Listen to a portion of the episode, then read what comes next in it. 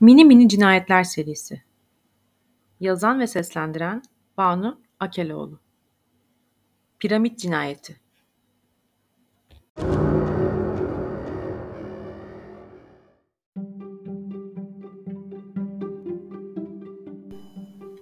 Bu öyküdeki karakterlerin ve olayların gerçek kişi ve kurumlarla ilgisi yoktur. Tamamen hayal ürünüdür.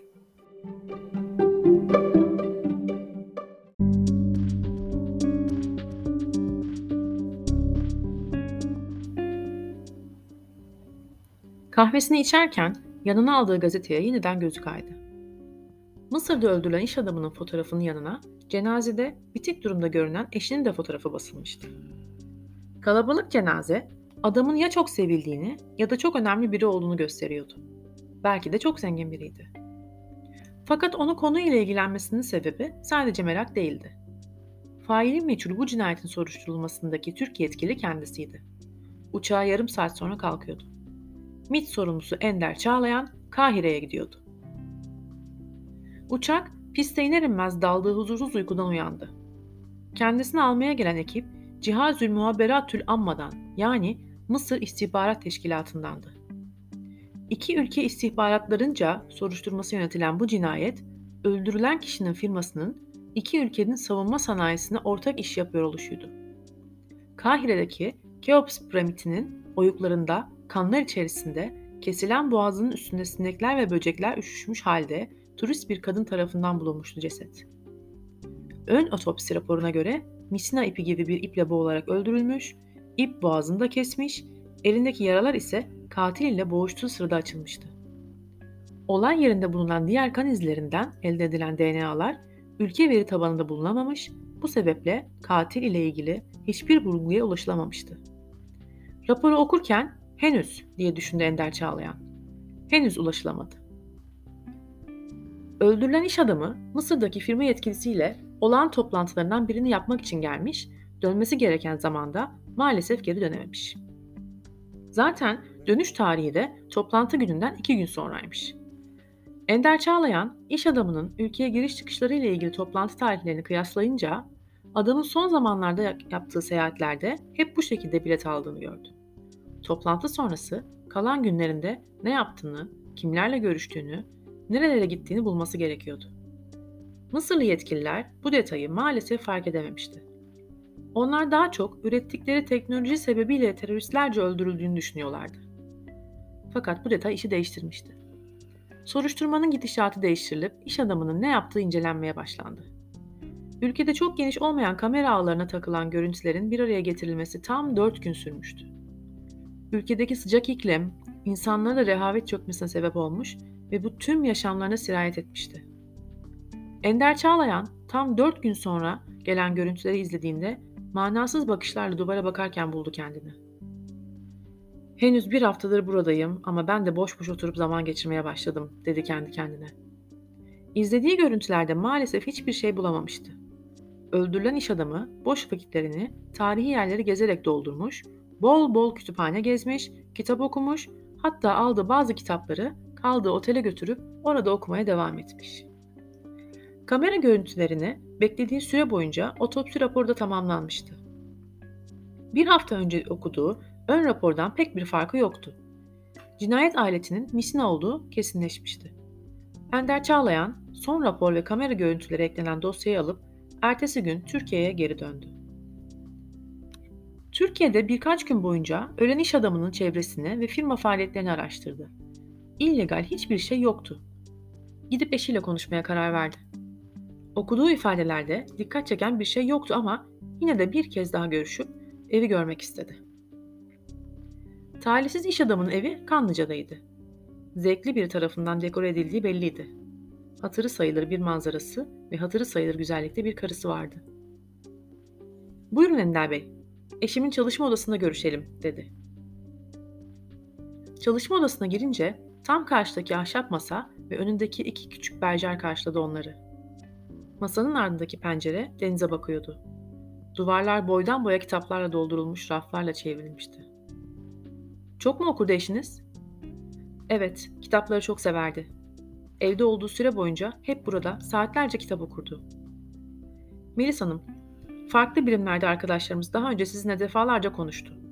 Ancak biliyorsunuz ki ben polis ya da savcı değilim. Evet, nereden geldiğinizi biliyorum. Eşinizin ölümü uluslararası bir krize sebep oldu. Fakat ben sebebin çok basit bir şeyden kaynaklandığını düşünüyorum. Nasıl basit? Anlayamadım. Yani ne yaptığı işle ilgili ne de Mısır ile. Size şunu sormak istiyorum. Son zamanlarda hayatınızda bir değişiklik oldu mu? Siz ne demek istiyorsunuz bana? Kadın sinirlenerek ayağa fırladı. Ender Çağlayan kadının dudaklarında saniyelik bir titreme gördü. Ya gerçekten onu yanlış anlayıp çok sinirlenmişti ya da korkmuştu. Lütfen yanlış anlamayın. Alınganlık yapıyorsunuz. Eşinizi günlerdir araştırıyorum. Rutin, yıllardır değişiklik göstermeyen, standartlarına düşkün bir hayatı var. Belli ki standartlarından bir sapma yaşamış ve bir şeyler ters gitmiş. İşte ben bunu bulmaya çalışıyorum. Sizi anladım. Ama öyle bir şey yok. Biz çok mutluyduk. Çok mutluyduk. Kadın kendisinin suçlandığını ima edildiğini düşünmüştü. Ender Çağlayan birkaç dakika daha sohbete devam edip izin istedi. Kadın onu yolcu etmek için kapıyı açtığında kapıda bekleyen başka bir adamla karşılaştılar. Adamı görünce kadın hiç şaşırmadı. Hoş geldin Vedat. Gel içeri. Diyerek içeri davet etti. Ender Çağlayan'ın merak dolu bakışlarını görünce de açıklama gereği duyup Vedat Bey eşimin arkadaşı. Birlikte yazdıkları kitapla ilgili kalan dosyaları almaya geldi. Yarım kalan kitabı tek başına tamamlayacak, dedi. Ender Çağlayan memnun oldum demek yerine başını salladı. İyi günler deyip oradan ayrıldı. Ayrıldıktan sonra bir hafta boyunca araştırmalarını ofisinden devam etti. Vedat Bey ve acılı eşin arkasına da takip edilmeleri için birilerini görevlendirdi. Geçen bir hafta sonrasında İstanbul Emniyet Müdürlüğü'nden ekipler Vedat Camgöz'ü gözaltına almak üzere sabaha karşı kapısını çaldı. Vedat Bey uyuyordu. Pijamalarını değiştirip gelen görevlilere zorluk çıkartmadan emniyete gitti. Yapılan sorgunun ardından Vedat Camgöz arkadaşını öldürdüğünü itiraf etti. Tüm sorguyu aynalı camların ardından izleyen Emniyet Müdürü ve Ender Çağlayan konunun sonuçlandırılmasından dolayı memnundu. Yapılan araştırma ve takip sonucu Vedat Camgöz'ün arkadaşı ile aynı tarihlerde Mısır'da olduğu anlaşılmıştı. Türkiye'den değil de İngiltere üzerinden Mısır'a geçtiği için gözden kaçmıştı. Çünkü o tarihler arasında Türkiye'den Mısır'a gidiş geliş yapan yolcu listeleri kontrol edilmişti sadece. Vedat Camgöz, öldürülen iş adamı ile eşinin de söylediği gibi gerçekten bir kitap üzerine çalışıyordu. İkisinin ortak yazarlığında yazılan bu kitap piramitlerle ilgili olacaktı fakat Vedat Bey araştırmaları sırasında çok büyük bir hazinenin yerini bulduğunu düşünmüştü. Bunu da arkadaşıyla paylaşmıştı ve hazineyi bulmak için beraber hareket edeceklerine dair birbirlerine söz vermişlerdi. Söylediğine göre de arkadaşı buna uymayıp toplantı bahanesiyle Mısır'a gidip hazineye tek başına sahip olmak istemişti. Bunu öğrenen ve o sırada İngiltere'de olan Vedat Bey de Mısır'a arkadaşına hesap sormaya gitmişti. Hazinenin büyüklüğü o kadar gözünü karartmıştı ki aksi bir durumla karşılaşabileceğini düşünüp yanına misina ipi ve bıçak almıştı. İki arkadaş, arkadaşın karşılaştığı andan itibaren tansiyon yükselmiş, ölen iş adamı durumu inkar etmiş ama Vedat Bey inanmamıştı. Kendine hakim olamayıp arkadaşını oracıkta öldürecek kadar da gözü dönmüştü. Öldürdükten sonra bir oyuya taşıdığı arkadaşını bırakıp ilk uçakla İngiltere'ye geri dönmüştü. Türkiye'ye döndüğünde de utanmadan cenazeye katılmış, eşine destek olmuş, daha 40'ı bile çıkmadan kitabı tamamlamak adına arkadaşına kalan dosyaları almak için evine gitmişti. Sözde ölen arkadaşının adına kitapta yaşanacaktı. Emniyet müdürü Ender Çağlayan'a dönüp sordu. O olduğunu tek görüşte nasıl anladınız? Çok basit. Kapıda karşılaştığımızda ellerindeki binici eldiveni dikkatimi çekti. Evet at biniyordu, bunu öğrendik ama son bir aydır binicilik kulübüne uğramadığını teyit ettik.